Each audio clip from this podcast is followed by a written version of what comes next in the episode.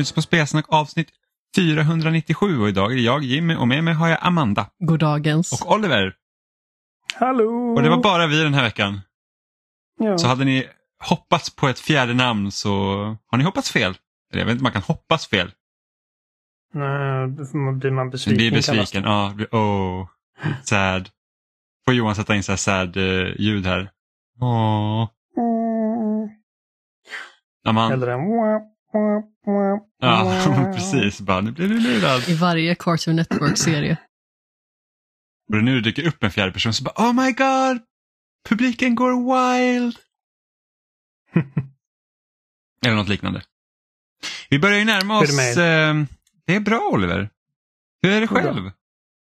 Det, det är bra. Lite hungrig. Är pågenlimpan slut? Eh, nej. Just nu är jag inne mer på hörnekaka.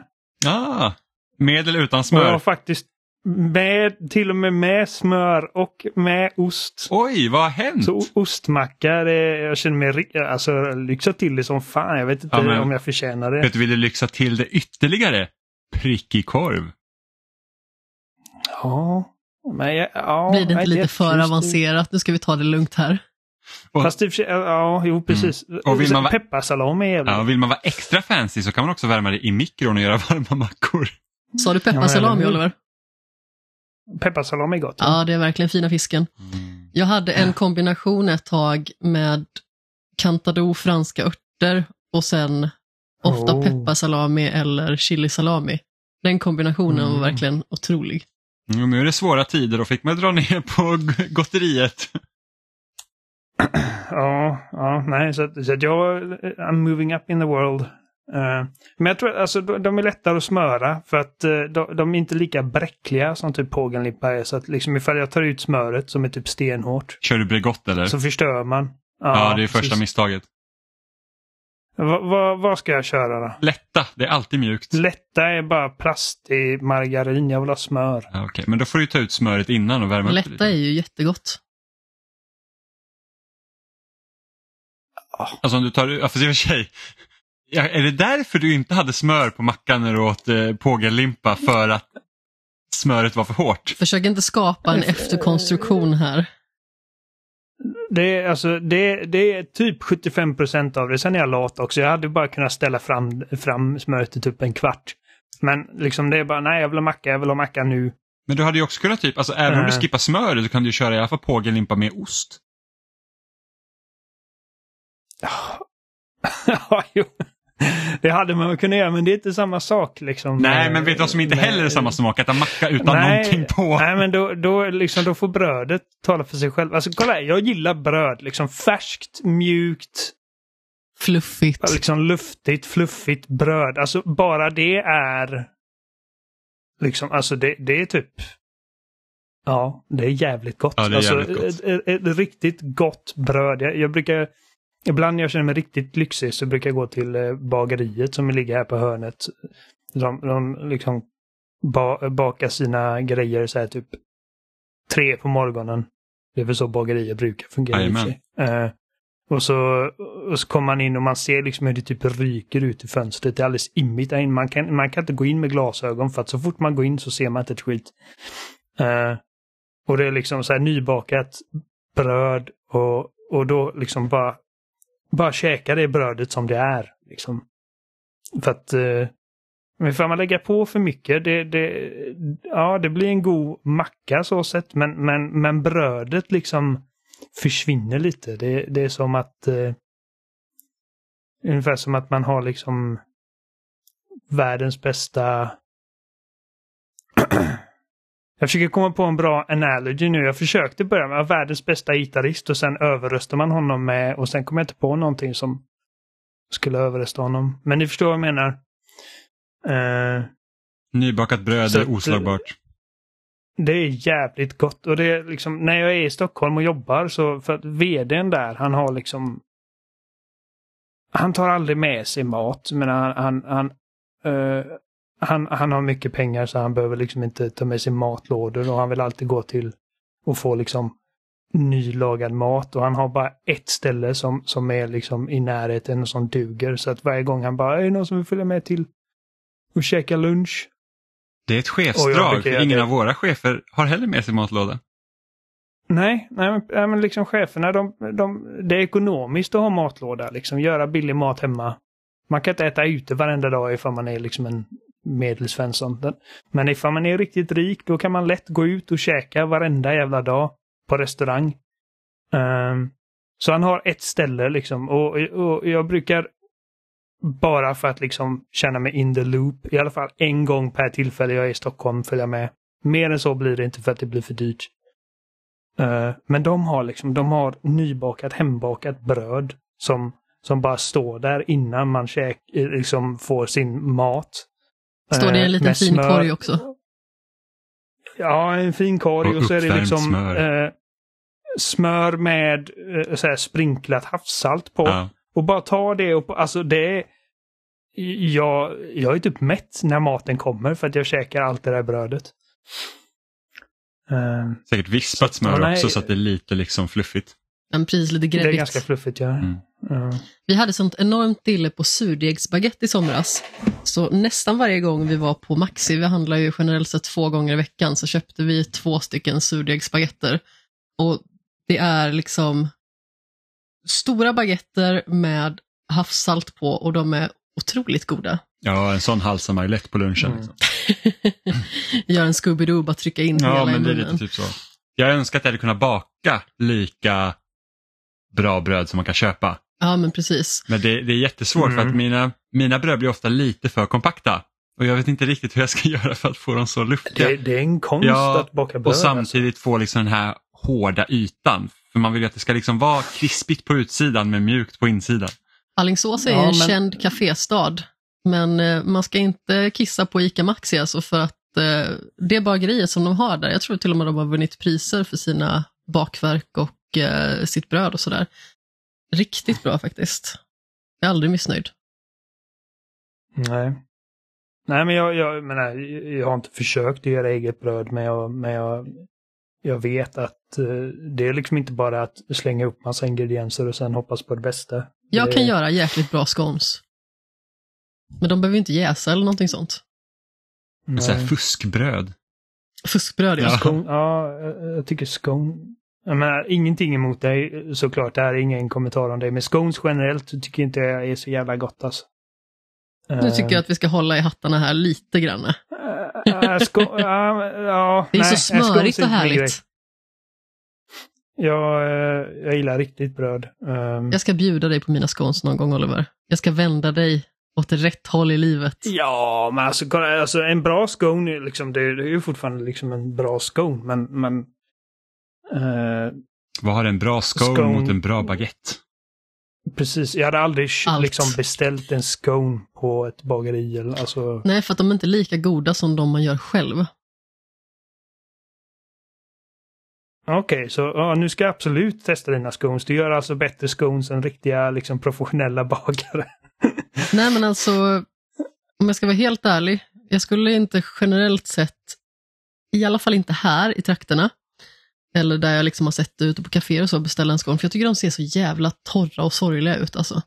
Ja, nu kommer det fram, hon har inte ens provat Ja. de här sconesen hon ratar. Nej men alltså, jag har ju provat scones i England naturligtvis och där är ju en annan femma. Det är ju liksom en del av deras varumärke mer eller mindre. Men när man bakar egna scones och så värmer man dem, alltså det blir en annan känsla.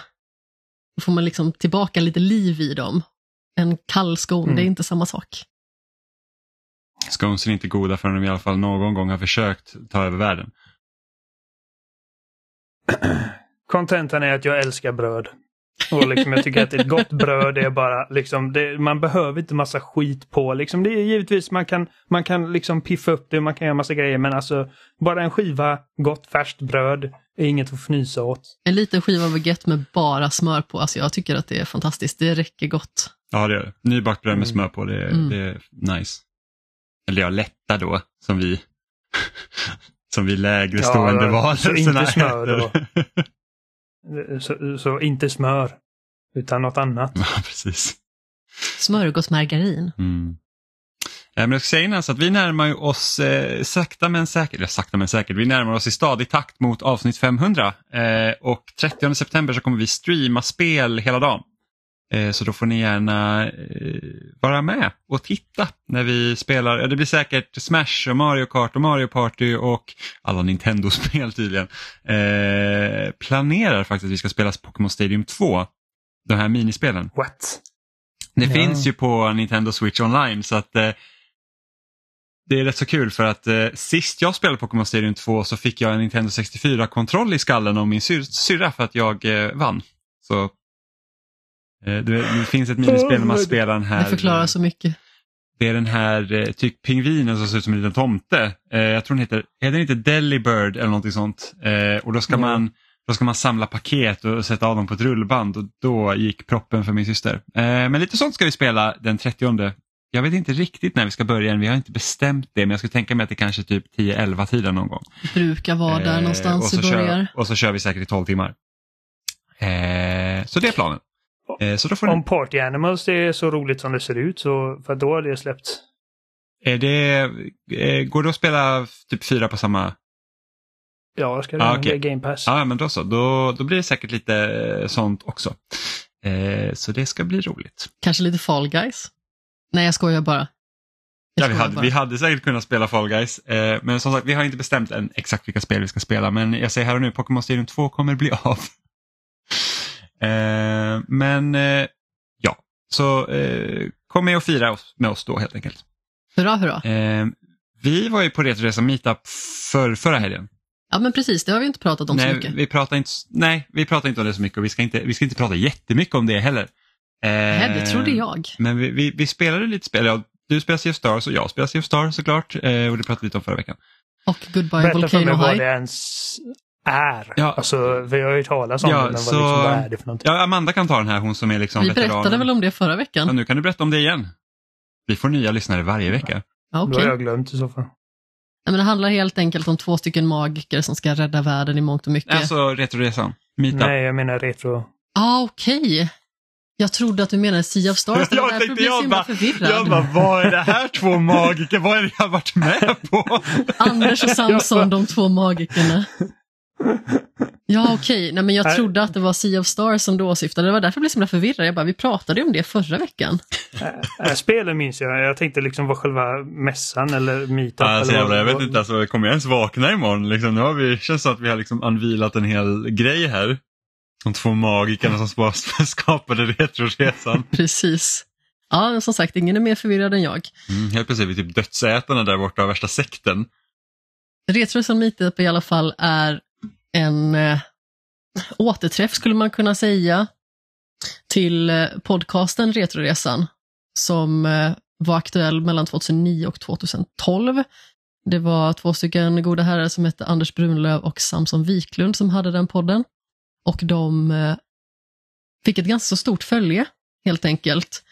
I och med att de var ganska så tidiga på bollen också hade ett ganska specifikt koncept och eh, dessutom var liksom ganska så i kontakt med sina lyssnare så växte den här skaran ganska så fort.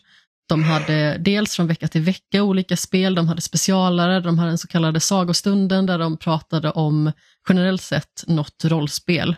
Så då var det Anders ofta som pratade liksom sig igenom sina upplevelser då i till exempel Final Fantasy och Chrono Trigger och sådär. Och när den här podcasten lade ner 2012, då var det liksom en ganska så stor grej.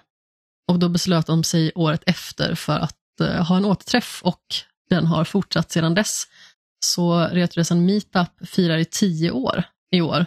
Och Det finns också en förening som heter Retroresans vänner som anordnar den här numera, så det finns liksom en styrelse och sådär som eh, håller i taktpinnen och ser till att allting ska flyta på och fungera. Så vi är ju ett ganska stort gäng nördar som åker dit. Förr i tiden så var det ju mer retrospel och sådär. Jag var med första gången 2015, då var det ganska så framträdande. Men det var också ganska mycket nya konsoler. Sen så började det mer och mer bli brädspel och även rollspel som det var en del i år också. Så det är ganska så brett. Och jag tror att brädspelen har liksom växt sig ännu större Just på grund av att man liksom lättare då umgås mer. Ja, och så man är ju fysiskt där. Det är, svårt att spela digitala brädspel. Det finns ju och de är oftast inte lika roliga. Jo men precis, men jag tror att det liksom handlar om att det blir inte lika mycket att man sitter vid sin skärm.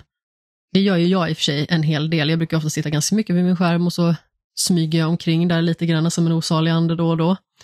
Och eh, du satt ju också och spelade en hel del på din skärm, men du spelade ju också ganska så mycket brädspel. Jag har spelat så mycket brädspel. Vad spelar du för rätt något? Så mycket spel. Jag spelade, det här är jätteroligt, Ehm, jag spelade ett spel som heter Heat. Eh, som är alltså ett brädspel som liksom baseras på Formel 1 egentligen.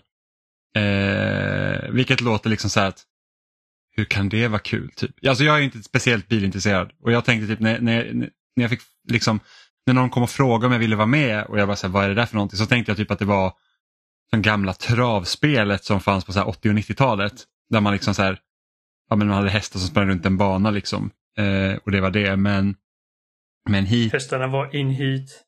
Ja, precis. exakt. Faktum är att eh, pappa som har varit travtränare i större delen av sitt, sin karriär, liksom, han, eh, han berättade att han hade en ett sto som var riktigt, blev så riktigt tjurig när hon var brunstig. Så att han hade haft någon kusk som körde henne då, och hon hade liksom tvärstannat i en kurva och ställt sig och pissa på han som körde. Och sulke sitter man ganska nära liksom hästen så, att, så sånt kan hända. Eh, men inte sån här hit då. Eh, så vad, vad ska man säga, det är typ som ett, men du har ju liksom ett bräde med olika banor på så att säga. Så du kör ju, man kan antingen köra liksom så att ja, men vi kör ett race eh, och så kör vi en bana eller så kan man köra ett Grand Prix som är fyra liksom, eh, race på rad och sen så har man då flera olika bräden där ett bräde är en ny bana. Eh, och så är de lite olika, liksom olika kurvor och sådär. Och sen så det är det plus liksom kortspel så att varje bil har liksom en egen lek eh, som man drar kort från hela tiden för att veta liksom, ja, men hur många steg kommer man gå och lite så. Eh, så först när man liksom sätter upp det här spelet så, så, så, så liksom bestäms det, okej vad, är det, vad är det för väderlek som påverkar liksom hur bilarna går? Eh, hur svåra är vissa kurvor?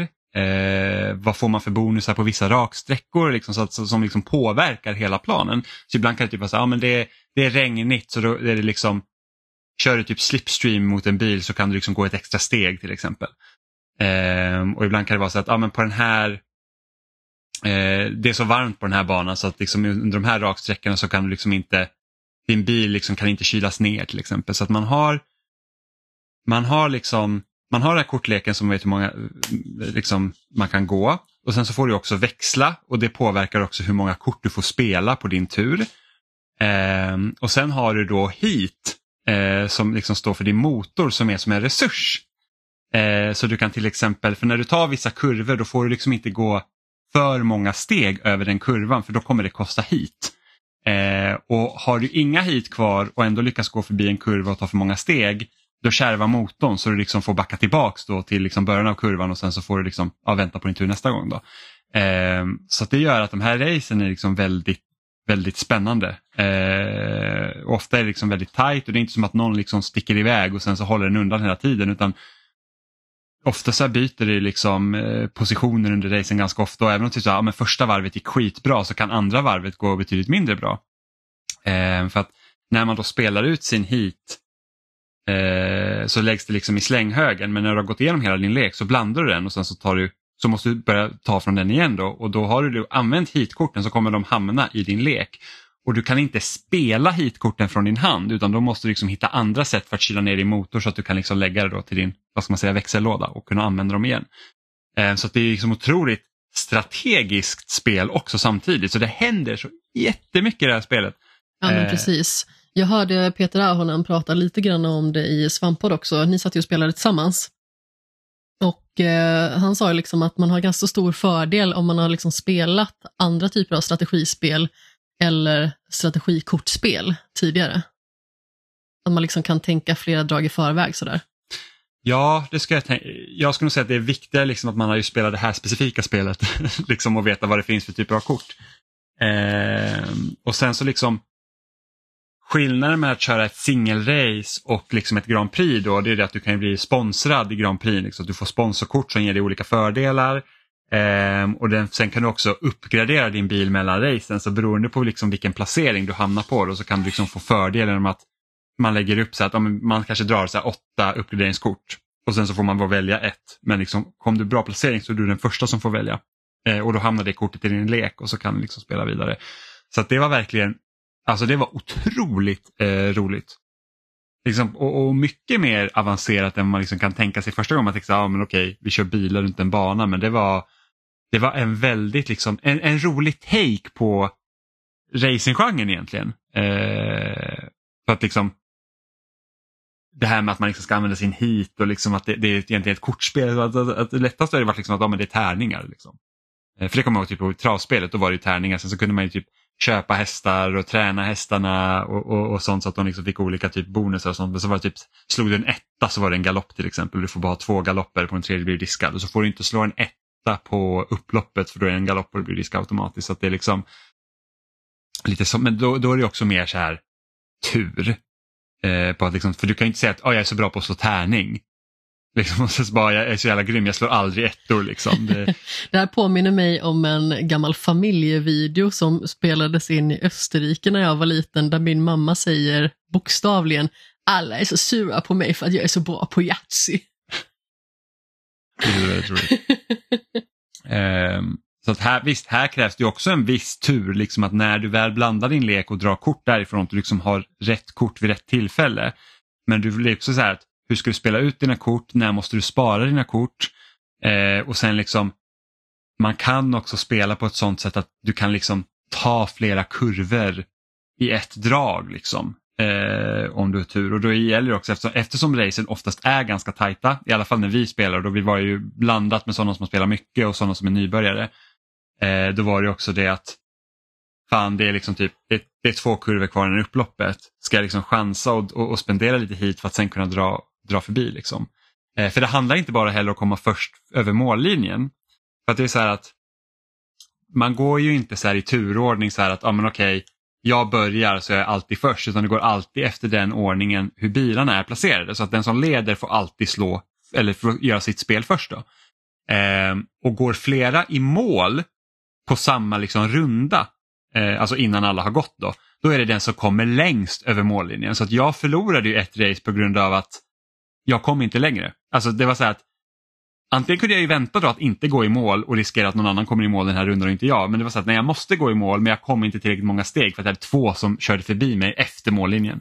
Eh, så det är också en grej man måste tänka på. Så att nej, det var ett, verkligen ett toppen, toppen spel. Du var så himla söt också för du kom tillbaka till din spelstation och det första du sa var jag önskar mig det här i julklapp. Ja, men det är för att jag vill spela det. Eh, och det finns ett singleplayer-läge också man kan spela själv eftersom Amanda hatar brädspel. Men det gör jag inte. Jimmy har tutat i alla på Retroresan Meetup att jag hatar brädspel och vägrar att spela men det är ju bara rent ljug. Det är bara det att jag tycker att det är roligare när man spelar ännu fler. Och när vi har skulle sätta oss och spela så har vi ju gjort det. Det är ju bara det att det kanske är lite högre tröskel att sätta sig och spela ett brädspel än att sätta sig och spela ett videospel. Svårt, jag väntar på att spela Tokyo Highway sen min födelsedag så bara, ska vi inte spela någon dag? Så bara, och det är så här, Amanda kanske inte har något emot att spela Tokyo Highway men det är inte jätteinbjudande. Det är så här, ja, det kanske vi kan göra. Det är ungefär din respons på det mesta. Ja, men jag håller mig neutral så att man inte kan läsa av mig. Det är bara så. Det här var ju oklart. så vet du inte så att är jag pepp eller inte pepp? Nej, han brukar alltid svara så, så då är det lugnt. Men jag, jag bara känner så här, okej, okay, men vi kommer inte spela Tokyo Highway för att Amanda vill inte. Och det kan man inte spela själv. Det handlar absolut inte om att jag inte vill, så sluta ljug. Men hit går att spela själv däremot, så att, för då, då blir de här bilarna liksom AI Alltså det finns någon AI-funktion, alltså, de blir inte AI, det är som att brädspela sig själv men de har liksom så att okej okay, men nu har vi så här många datorspelare då och då, då går de ett visst antal drag. Så, att, nej, men det, så att har, har man en brädspelskväll med sina kompisar så absolut hit. Det är ett alltså, riktigt kanonspel och kör man Grand Prix så tar det ju flera timmar. Det, det får man vara liksom beredd på. att det, det är inte något du gör på 20 minuter utan det är liksom fyra race, det kan nog ta en fyra fem timmar. Det verkar ju vara en stor favorit också hos resten av gänget, för det var ju en kille till som skrev på discorden i efterhand liksom att Jag sa till min sambo att jag önskar mig det julklapp. Ja, men där ser man. Ja, men vi var ju så, och så här, man blir så inne i det också. Man var så ah, vilket sjukt drag det där var. Man är helt amazed. Ögonen så här skitstora och bara tindrar. Liksom. Man bara, Jo, man hörde ju er definitivt. Ja, så att det, det är jättekul. Och, och som sagt, jag önskar ju att vi var många som egentligen kunde spela brädspel. Alltså att vi var liksom ett gäng som spelar mycket brädspel för att det är väldigt roligt. Det, det, det blir någon skillnad när det är analogt eh, som inte riktigt, liksom så här, vi spelar ju liksom till exempel om man tänker så här kända brädspel i tv-spelsväg, liksom, så så här Mario Party. Och visst, Mario Party är ju kul. Eh, och det, är liksom, det ska ju vara svårt att göra ett Mario Party som ett brädspel, liksom ett, ett fysiskt brädspel med tanke på att då blir liksom minispelen blir väldigt begränsade.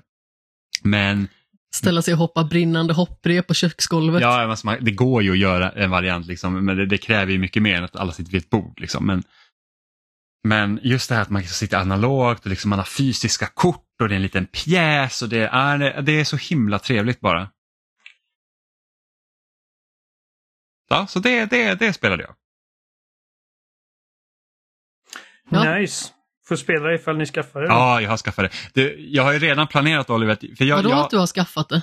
När vi skaffade så är Jaha, jag tyckte nej, du nej, sa jag har inte jag köpt har det. Jag, jag sa ju att jag önskar julklapp. Eh, men för att jag, back, jag har ju backat ganska mycket brädspel på Kickstarter så jag har ju backat Last of Us-spelet som ska komma. Så att då får du komma hit Oliver och spela det med oss.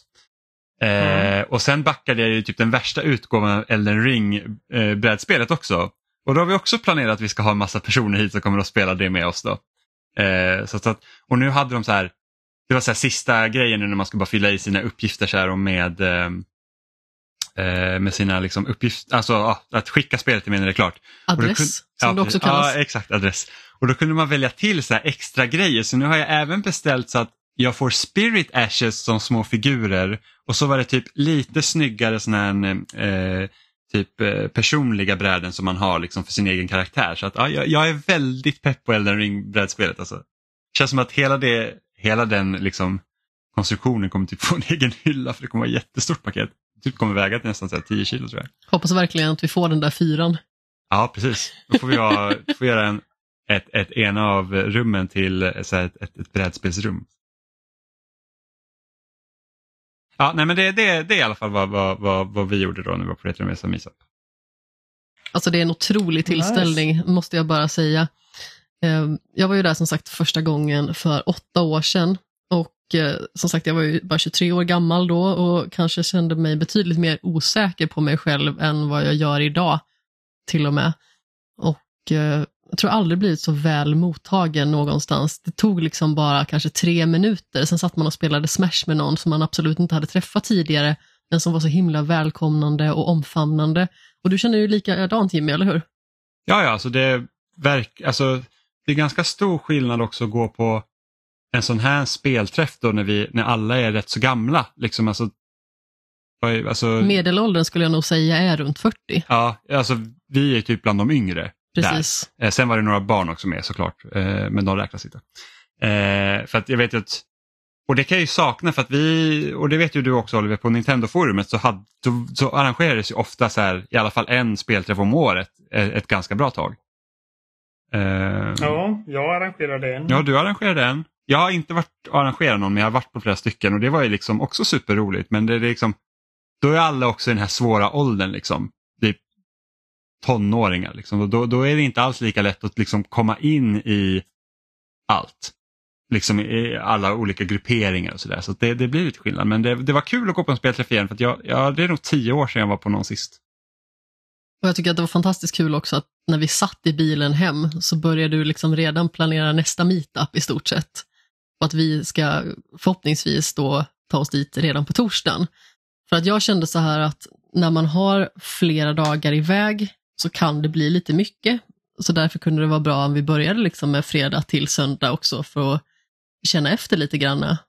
Åtminstone för din del, jag har ju varit med massa gånger tidigare. Men eh, det kändes ju verkligen som att eh, det här var helt din grej också. Så förhoppningsvis så blir det ju fyra dagar på vintermeetupen då, förmodligen februari som det brukar vara. Mm. Men det är också bara skönt så här också, liksom, kunna sitta och spela sitt spel ostört också liksom bara så här känna att jag behöver inte bry mig om någonting. Vi behöver inte gå ut med hunden, vi behöver liksom inte laga mat. Utan det var liksom bara så här, jag kan bara sitta och spela. Känner sig lite liten igen. Nåväl. Oliver. Nu har Ja. du också spelat Starfield. Ja, Så hur... För att jag, jag har spelat... runt 20 timmar. Oj, ja, du har nog, du har nog Hur? du har spelat mer än vad jag har gjort. Eh, Jag, jag tror jag är typ på timme 14 eller 15. Eh, För att det har varit lättare för mig att fortsätta lite mer med Sea of Stars än Starfield. För att Starfield är inte helt lätt att komma in i och jag kände väl först typ igår att jag säger okej men nu börjar det sitta lite mer. Eh, Men hur, kä- hur känner du? För att du är ju inte den här, du är liksom du har ju spelat Skyrim och du har spelat Fallout 4 men jag skulle inte säga att du är liksom den här, åh Bethesda RPG är liksom my shit. Nej, nej, verkligen inte. Så, så hur Ehm. känner du för Starfield? Jag känner som så att eh, det, det mm, ska vi se, var, var börjar man ens? Alltså det är tveklöst det minst janky och buggiga Bethesda-spelet jag spelat, i alla fall hittills. Så Jag, att, jag har varit med om eh, flera konstiga grejer. Jo, jag med. Ja. Men inte liksom som, som typ att drakar liksom kommer in och klippar igenom hus och jättar som flyger upp 300 meter upp i luften och hästar som springer spik, upp för spikraka väggar. Alltså eh, konstiga grejer som, som bara det är liksom helt oundvikligt med den här typen av spel där det är så många rörliga delar. Mm. Men jämförelsevis så eh, är jag imponerad av liksom bara hur, hur stabilt det känns. Eh, och inte bara liksom stabilt utan också att det, det känns bättre att göra grejer. Det känns bättre att skjuta saker. Det känns bättre att röra sig. Man känner sig inte som ett kylskåp förutom när man är encumbered, vilket jag är typ jämt. Eh, Jaha, jag, du vad? jag har hört att många har problem med det här encumbered. Jag plockar typ inte upp någonting jag inte vill ha. Jag är bara såhär, nope. men Det, jag vet inte vad jag inte vill ha eller inte. jag tar upp ammo. Och jag tar upp vapen om jag tycker mig se med något som jag inte har plockat upp förut som kan vara bättre än det jag har. Det är det jag plockar upp. Allt annat låter jag vara. Jo. Så här, det, det finns liksom sådana liksom eh, djupa research och crafting system som jag skulle vilja liksom dra nytta av. Att, att kunna sätta eh, olika moddar och grejer på dina vapen. Det känns som en så här grundläggande grej att det vill man kunna göra i en shooter. Och det kräver mycket resurser. Inte bara liksom att man ska eh, få upp skill points i de här research-träden och sen crafting och all den här skiten utan också att, att, att researcha så att du har möjlighet att bygga en reflex-site exempelvis. Det kräver resurser. Och sen krävs det resurser för att faktiskt bygga skiten. Um, och jag vet liksom inte, alltså när man hittar typ, oh, en magnet. Där står det crafting component och jag bara, jag har ingen aning om vad det här kan behöva, kan vara användbart för. Eh, men det kan hända att jag kommer ha användning för det. Mm. Nu har jag nu har jag försökt lugna ner mig lite. För att alltså mitt skepp är knökfullt. Och mina fickor är knökfulla. Ehm, och eh, jag, liksom, jag försöker att sälja liksom massa skit. Så ifall jag har mer än tio av någonting i min cargo så säljer jag det. Uh, skeppsdelar som man använder för att liksom i realtid laga sitt skepp, de väger typ 10 eh, eh, per styck. Så att liksom några, några sådana i ditt cargo och du är redan på god väg liksom på att bli full. Eh, och, och så här, jag har spelat 20 timmar. Och det är så här runt timmar 15-16 som man liksom, okej, det, här är ett- det, här, det här är en speciell upplevelse och jag, och jag är verkligen investerad i, i detta nu. Ehm, så att det är lite av en slow burn. jag gillar Otroligt slow. spelet. Ja, jag gillar spelet väldigt mycket vid det här laget. Men jag skulle kunna sitta här i tre timmar och bara klaga på massa skit också. Och Mm. det är det som är lite karaktäristiskt för Bethesda-rollspel känner jag. Att även i de fall där jag faktiskt gillat det, som i Skyrim, så har det varit liksom att för varje, var, varje grej jag tycker är grymt med spelet så finns det två grejer som bara retar gallfebern på mig. Mm. Eh, och den grejen som är bra väger tyngre. Så, för annars hade jag inte fortsatt spela. Liksom. Jag hade, liksom, då hade det blivit som en Fallout 4. Liksom, att jag spelade mina tio timmar av det och bara fy fan vilket mök. jag, jag gillar inte detta alls. Uh, till att bli mer av en Starfield. Så jag skulle nog kunna liksom se att i slutändan så kommer detta vara mitt favorit Bethesda-rollspel. Mm. Jag vet att folk är väldigt förtjusta i Skyrim. Uh, och jag tycker också om Skyrim, men uh, det är någonting med, med, med just det här spelet. Jag är ju mer av en shooter-kille också, än att liksom svinga dolkar och grejer. Mm. Um, och det är där jag känner, liksom, och det sa jag i förra veckan, det var det här med att jag tycker det saknas någonting i striderna för att det är så att eh, Fallout har vett till exempel så gör att striderna är lite annorlunda även du kan också skjuta i dem. Även om trean var det piss, fyran var det bättre. Men det, mm. det känns ändå här som att eftersom det här är mer som en shooter liksom som man liksom van med att vara en kompetent shooter så är det inte så att jag hade gärna velat haft en twist på det också. Liksom, och det räcker mm. inte typ med att jag har min boostpack och kan hoppa lite. Liksom. Även om det är väldigt, väldigt roligt att olika planeter har olika gravitation. Mm. Så typ jag sköt en kille och han flög rätt upp i luften och ut genom atmosfären typ. Och man var så här, ah, ja, ja, bye bye. ja men det, det är nice. Jag, jag känner, jag, jag var alldeles så förtjust i VAT-systemet till en början. Jag tycker att eh, det har sitt syfte i rymdstriderna där man kan liksom sikta in sig på olika delar av skeppet. Mm. För ifall du bara vill liksom spränga ett skepp så är det bara, bara skjut allt du har på dem. Men ifall du vill slå ut motorerna så att du kan borda dem och sno allt de har eller till och med sno skeppet och sen sälja det. Så måste du liksom sikta in dig med ditt uh, targeting-system som fungerar ungefär som VATS. Uh, och gärna då också använda uh, elektromagnetisk ammunition för att slå ut liksom deras system utan mm. att faktiskt förstöra det. Ja, då måste du också uppgradera den funktionen i ditt tech tree, så att säga. Det måste du göra, precis. Och sen måste du köpa liksom, uh, för att man börjar inte med sådana elektromagnetiska kanoner. Uh, så det bör man också investera i. Och det, alltså, spelet gör ett riktigt pissigt jobb med att förklara de mest grundläggande grejer. Det, det, det är många grejer som jag liksom behövt googla för att ens fatta hur... Som, som skannen. En sån simpel grej som skannen, liksom hur den funkar. Hur skannar jag grejer? Ja, uh, ingen feedback får du ju av liksom själva skannen heller när du går och skannar saker. Det är det mest störigt. Jag trodde inte att den funkade först. Så, de, de säger liksom tryck LB för att ta upp skannen och det är den information du får. Ja. Uh, du kan liksom, med skannen så ser du liksom olika uh, points of interest på horisonten. Uh, det de inte säger är att om du siktar på en av de här och trycker på A-knappen så säger de vilken typ av, om det är struktur eller en crash site eller en liksom naturlig eh, natural formation eller en grotta.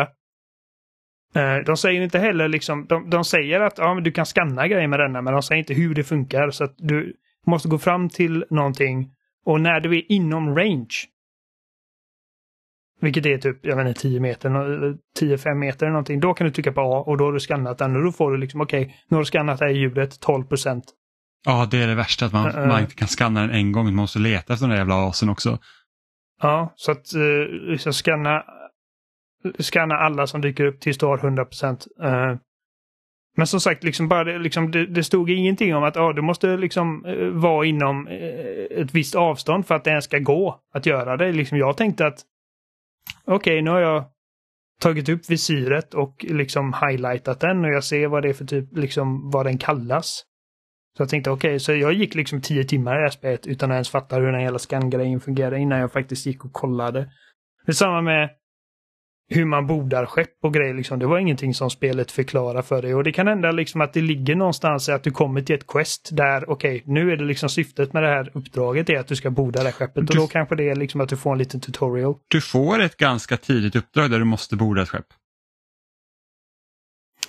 Och där de säger åt dig hur du ska göra. Jag har ingen minne av. Nej, men det är bara det att, nej, för att, för att jag gjorde det och sen så när jag skulle borda ett skepp nästa gång för att det var ett annat uppdrag där jag också behövde typ, man behövde göra det. Och då kom jag inte ihåg hur man gjorde. Mm. Och jag försökte liksom köra upp mitt skepp, så här, måste jag vara nära och borda det? Kommer någon prompt här? Nej, men det, då måste du, oh, då måste du liksom trycka, du måste highlighta skeppet genom att trycka A när du har siktet på skeppet och då kan du välja att borda det. Ja, om de är utslagna för det första. Ja, precis. Om de är, och de måste vara inom 500 meter. Ja, om de är bordinvändningar, precis. Men det är liksom så här att det, det, är liksom, det är inte intuitivt hur du gör saker. Eftersom liksom så mycket spel som ändå du och jag spelar och det är ändå så här bara, what? Ja, men det, det är sådana grundläggande grejer som borde vara second nature. Bara en sån sak som att okej, okay, när jag hittar ett nytt vapen som jag är sugen på att testa, då håller jag inne A för att automatiskt equippa den så slipper jag gå in i menyerna. Det finns inget sånt för consum consumables som liksom ifall du hittar en macka och du vill ha 10 HP eller någonting. Nej, då måste du plocka upp den och sen gå in i menyn och sen välja inventory och sen välja antingen då eh, fliken där eh, consumables ligger eller i new items som oftast är lättare men då får du leta igenom allting du har hittat den senaste typ timmen. Um, och sen eh, questloggen är också helt obegriplig. Ja, den är, den, den... Questloggen är inte så mycket problem med för att man bara markar liksom vilket uppdrag du vill på och sen följer du markören. Men det, det finns jättemånga olika typer av uppdrag och liksom du får inte heller vettigt förklarat för dig vad som avgör var de olika questen hamnar. Eller ens att de hamnar i någon form av ordning så att du vet var questen är någonstans. Du kan ju markera questen, men säg att jag är i New Atlantis till exempel, så bara, ja, men jag vill inte åka från New Atlantis nu, jag vill göra de uppdrag jag har här. Du har ingen mm. aning om vilka uppdrag som hör till New Atlantis. Eh, och sen så är det typ, så finns det eh, eh, uppdrag som heter, som, som är activities. Och alla activities hamnar liksom under samma. Ja, och det är ju liksom så här skitsaker. Nej, liksom men det är, in, det är inte alltid skitsaker för att ibland när du gör vissa activities då blir de större uppdrag. Jo, jo precis, men då är det liksom eller i och för sig, jag, jag har inte koll på det, men jag, jag förmodar att det då blir ett stort Nej, men Vissa alltså, håller sig bara i... inom activities. Alltså, jag hade typ ett uppdrag okay, igår ja. som var så tre, tre, fyra steg och det var bara en activity. Det blev liksom ingen större uppdrag medan vissa blir liksom större. Och ibland så när man liksom går förbi någon eh, och liksom hör något i typ periferin, kan man säga att man hör något i periferin? Man hör något i, runt sig då, för det, det liksom, här behöver du inte prata nödvändigtvis med en person för att få ett uppdrag utan du kan bara höra någonting och så läggs det in i questlog, vilket är skönt. Eh, men men det liksom, vad är det som avgör att det här räknas som ett uppdrag och inte en activity? Det är, liksom, det, det är jättemärkligt. Jag tror att, alltså, så som jag förstår det så, eh, activities är grejer som du bara snubblar över. Nej men igår snubblade jag uh... över en grej som blev ett, som var ett main mission på en gång. Eller inte main mission utan det blev som ett mission. Och det var därför okay, jag började ja. fundera på vad är det som avgör att det här blev ett mission och inte en activity? För jag har ju inte pratat med någon, jag har ju bara hört. Ja, ja. ja nej, det, alltså, ja, det, det är lite förvirrande. Och, och, bara typ loot, liksom att du har, och nu kommer jag in på någonting helt annat. Uh, men jag stör mig så jävla mycket på att jag hittar ett vapen och det står att det här är värt 20 000 credits.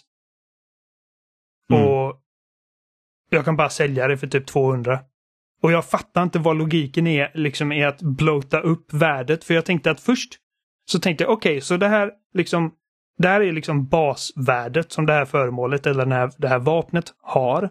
Och sen så blir det olika priser beroende på för att jag kan liksom någon som egentligen inte är vapenhandlare kanske inte har intresse för det så de kan inte betala lika mycket för det. Men det, det, så är det inte utan allting, alla säljpriser är universala över alla vendors i hela, liksom, i hela, hela universum. Så jag fattar inte varför kan det inte bara stå när jag plockar upp vapnet hur mycket det faktiskt är värt. För om jag säger någonting bara åh, 20 000 liksom, då börjar dregla liksom. Bara, nu, nu på väg till banken. Och så får man liksom uh, skitsummor. Mm. Det, jag stör mig så jävla mycket. Och, och just det här med typ vikt och sånt. Alltså det, jag vet att det är liksom en normal grej i den här typen av liksom expansiva rollspel. Att du kan inte plocka på det hur mycket som helst. Men fan, det, det gör inte spelet roligare. Vad, vad, vad, vad tillför det till spelet? Att jag ska liksom behöva hantera så här, varje halvtimme hålla på och lasta av skit. Liksom, ifall ni inte vill att jag ska plocka upp all den här skiten, låt mig inte plocka upp den här, all den här skiten. Jag blir, jag blir helt tossig, ärligt talat, på, på att jag hela tiden är encumbered och, liksom, det, och så står det, står det liksom att när du är encumbered så om du springer så uh, börjar liksom din, uh, ditt syre gå ner och uh, du börjar bygga upp uh, koldioxid vilket gör att du börjar ta skada. Men det är inte ens bara när man sprintar utan det är när man bara rör sig i normal hastighet som den liksom tickar. Och jag bara... kunde det inte bara gjort liksom att okej, nu kan jag inte fast travela för det kan man inte. Man kan inte fast travela någonstans när man är encumbered. Men det gör också att jag, jag, jag är liksom en hälsorisk för mig själv när jag Mm. rör mig runt med massa skit. Och det är en sån pet peeve för mig. Liksom. Alltså, det, Witcher hade samma grej. Eh, och det, det är en sån här vanesak liksom att det, liksom, vid det här laget i Witcher så vet jag exakt vad jag behöver plocka på mig. Så att just det här med liksom vikt och sånt blir egentligen aldrig ett riktigt problem för mig i Witcher. Eh, men i det här spelet där liksom även de minsta skitsaker kan ha ett syfte som kan som kan liksom göra mitt liv lättare om typ 10 timmar. Om det visar sig att åh, jag har hittat en ny, liksom jag har utvecklat en ny research som gör att jag får en skitcool super eh, liksom barrel till en shotgun. Och jag behöver så här, så här mycket av de här olika metallerna och grejer. Det hade varit så jävla nice då att okej, jag har liksom plockat på mig under de här liksom 20 timmarna så jag har plockat på mig de här eh, materialen. Men nej, nu måste det vara liksom att jag aktivt, okej, nu vet jag vad jag behöver för att få det här eh, projektet färdigt. Nu måste jag gå ut och jaga det här jävla järnet och nickel och, och all skit som jag inte vågat plocka upp förut. För att jag tänker att ah, men det här är värdelös skit och jag kommer bara liksom bli tung och spelet blir piss. Mm. Det är det jag är lite Eh. orolig för, liksom, när man känner så att okej, men jag behöver kunna få vissa resurser och jag behöver bygga en outpost för att liksom, det ska bli så att det liksom ska bli effektivare. Mm. Men, och då är det så att okej, men för att bygga de här grejerna till min outpost så kommer det behövas massa material som jag inte har. Eh, och det är typ det, det som gör typ att jag inte gillar byggandet i No Man's Sky. För att det är liksom att, att samla de resurserna är inte kul. Det, nej, det är inte roligt. Och det är, Det är inte roligt här heller. Alltså, det är speciellt inte- generellt inte... roligt i något spel. Utom Minecraft. Ja, Minecraft, ja, Min- ja, i precis, Minecraft är det allting är- simpelt. Det är liksom så här Ja. att jag behöver, okej, jag hugger sten, jag kan smälta sten, jag hittar kol, jag kan fixa, liksom, det är så enkelt. Men typ i No, no Man's Sky då var det typ så här att, ja men du hittar den här typen av kol, men, men du behöver liksom förädla kolet för att kunna bygga det här. Men liksom, även om du har det förädlade kolet så är inte det samma sak som det dåliga kolet och då kan du inte bygga de grejerna som behöver det dåliga kolet. Det så här bara, hur många steg måste jag hålla koll på? Nej, det. Det är bara, av alla spel med liksom sån här crafting liksom, som, som har mycket crafting så är det, tycker jag det är bara Minecraft som har lyckats ordentligt. Liksom att göra det kul. Jag får fan magsår bara jag tänker på det. Men Och, vad, vad är det du gillar liksom med spelet då? Alltså, vad, Eh. vad är det liksom som håller fast dig i det? Ja, det är en bra fråga. Nej, men så här, för det första så jag, jag gillar världen de har byggt upp. Jag tycker att eh, den här liksom eh, den här galaxen är bara rolig. Jag tycker det är kul att, att hoppa till ett nytt stjärnsystem och bara se vilk, vad, vad för typ av liksom andra rymdskepp man möter. För att liksom det ibland, eh, någon gång så, så när jag kom till ett stjärnsystem och så blev jag liksom hejlad då eh, av ett annat rymdskepp som befann sig där i närheten. Och då var det en turist, ett turistskepp. Eh, och de liksom bara, har du tid att ställa och svara på några frågor liksom om hur det är att vara liksom en skeppskapten? Och så var det liksom de här typ turisterna eh, turades om att ställa liksom frågor som bara, åh, har du dödat massa pirater? Och bara, nej.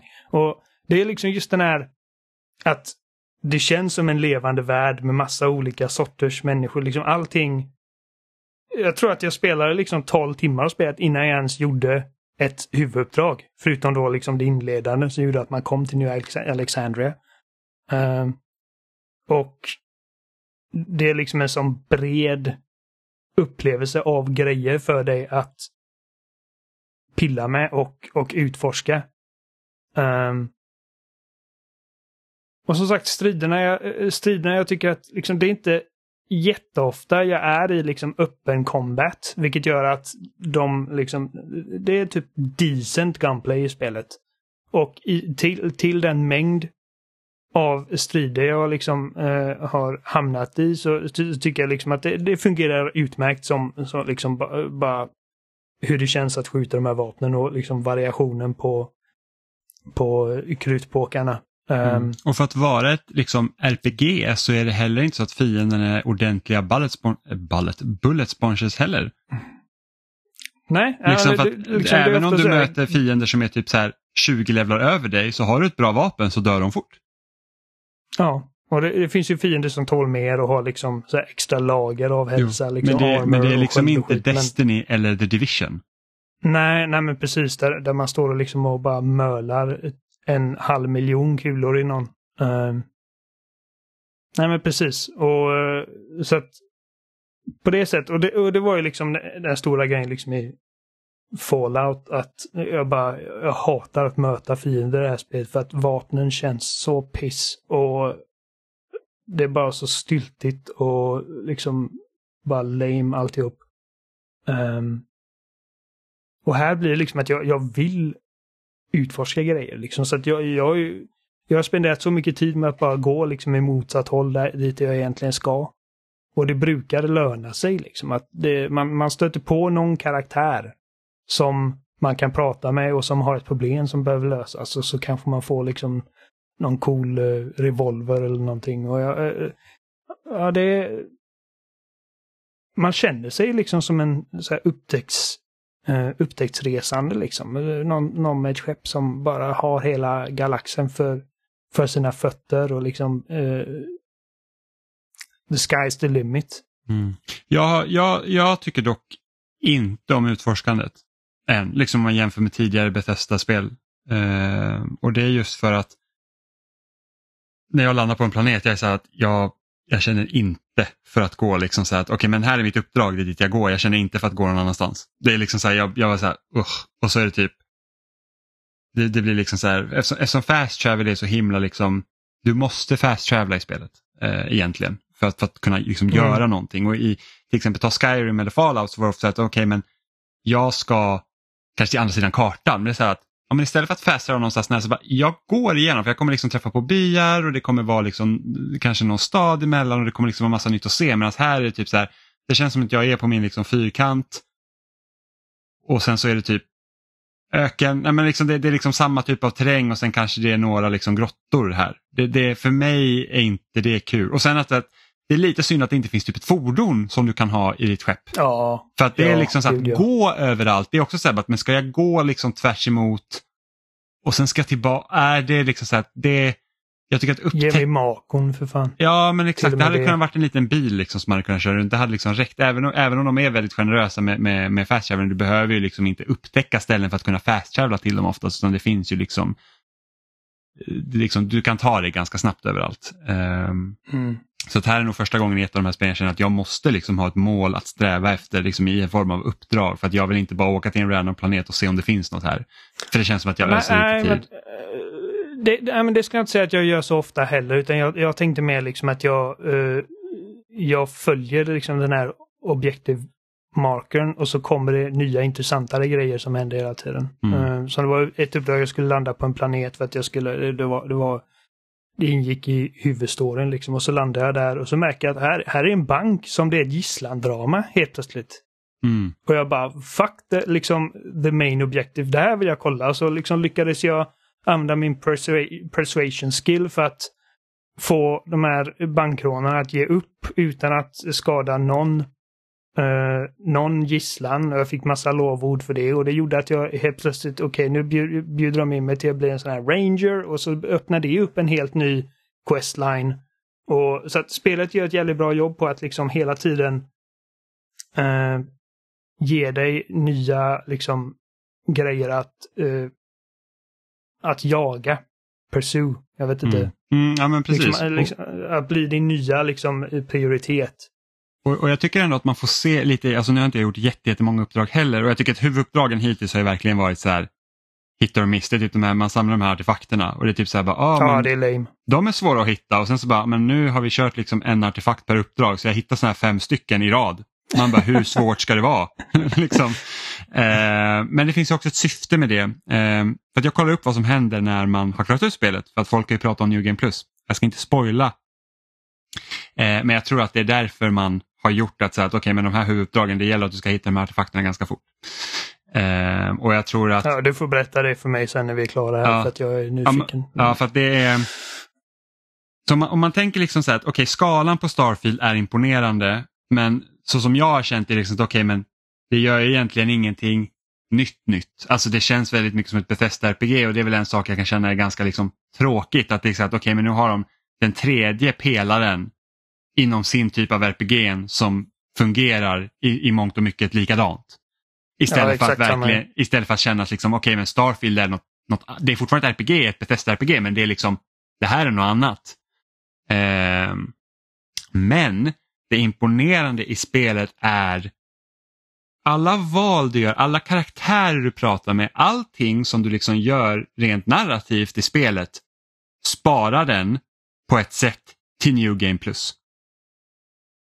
Och jag kan inte säga mer utan liksom spara, men liksom så att, så att det, det, det, du gör liksom i spelet. Så, så, att, för att det är många som säger att okej okay, men varför, om New Game Plus ändrar liksom saker, varför ska jag då spendera så himla mycket tid i min liksom originalsparfilen då? Jo det bara för att ju mer du gör under den här rundan kommer påverka New Game Plus. Ehm, och det... Jag, jag, jag, ser inte riktigt mig själv att göra ett, ett sånt här stort spel i New Game Plus alltså. Jag uh, tänker exakt samma sak och jag tror inte jag kommer göra det heller men liksom jag har hört andras berättelser och det är liksom för att du kan ta dig igenom det ganska snabbt. Liksom. Eh, alltså Bethesda-spelen är ju inte så långa om du bara går på main storyn till exempel men att köra, alltså jag såg en på Twitter, han var på sitt sextonde New Game Plus och sa att han fortfarande ser liksom, alltså spelet räknar med saker som han inte ens trodde var möjligt typ. Eh, sen vet ju inte jag hur mycket folk överdriver också när de får se en sån här grej men det är fortfarande så här att det är, det är en häftig tanke. Sen så är det väl lite så synd att man gör det med ett spel som kan ta typ 80 timmar att klara ut bara en gång. eh, ja, men alltså, alltså, jag tror säkert att de har en cool hook i så fall. För jag hörde liksom att Greg Miller har gjort fem gånger. Yes. Och, och det är liksom, det. Alltså, han är inte sån som, som spelar om spel. Han Nej. har inte tid för det. Nej, och det är det att jag tror ju att liksom när du väl har gjort New Game Plus en gång så kan du säkert liksom du kan snabbt klara ut spelet och komma till nästa New Game Plus och nästa New Game Plus tills du liksom bestämmer dig att okej okay, men nu vill jag inte köra New Game Plus. Ja, men jag är nyfiken på vad fan man skulle vilja göra det för. Liksom. Alltså... Ja, och jag vet inte om jag vill spoila det för dig heller. Nej, vi ska inte spoila det i podden, så kan vi säga. Men det är liksom, det, Nej, okay. Jag tror att det kan vara rätt så häftigt att upptäcka det själv när du kommer dit. Eh, och jag har ju börjat se, jag har börjat se mattan läggas framför mig åt det hållet. Och det hade varit kul om jag inte hade vetat om det. Men jag, men har det någonting med de här artefakterna att göra? Ja, liksom, absolut. Att ja. mysteriet bakom de här artefakterna Ja, det har, in det har absolut att göra med hela huvudstoryn och, och, och liksom så. Uh, men det, det, är i alla fall det är en jättehäftig grej och det är väl jag skulle säga det är det det är där de har lagt liksom, vad ska man säga, krutet, så innovationskrutet om man säger så. Det är där det ändrar mm. liksom, jämfört med tidigare Bethesda RPG. Att det, det, det, ett har inte funnits New Game Plus, men, tror jag. Eh, men det är liksom inte, New Game Plus är inte sammanlänkat. Det är liksom, utan det är så att okej okay, jag får behålla mina grejer sen börjar vi om. Här är det liksom, okej okay, du börjar om men det är liksom saker och ting sparas. Typ. Det finns en kontinuitet. Ja precis, precis på ett sätt som, som liksom gör att man så här, Ja, det, det, är det, är intriguing, men det är också utmattande bara att tänka på liksom att... Ja. ja det, det, är liksom ja, till den grad jag också känner så här att Behövde de ha så många planeter? Kunde de inte typ haft ett solsystem? ett ja, men jag tänkte, det tänkte var det första jag tänkte när de sa det, liksom att oh, det finns massa planeter. Faktum är att det finns en biljon. Jag bara, jag, jag vill inte ha, alltså No Man's Sky liksom dödade den idén för mig. Liksom, för att det, liksom, det finns ingenting man kan göra med sådana här liksom, procedural verktygen för att göra det liksom värt att ha så många planeter. Men jag tycker ändå, jag tycker det funkar i No Man's Sky med den premissen de sålde spelet. Det är så att vi har så här många planeter, ditt syfte är att du ska komma till universums mitt. Och då blir det så att okej, okay, alla planeter kommer inte vara jätteroliga att landa på, men det är inte tanken heller för du ska hela tiden röra dig framåt.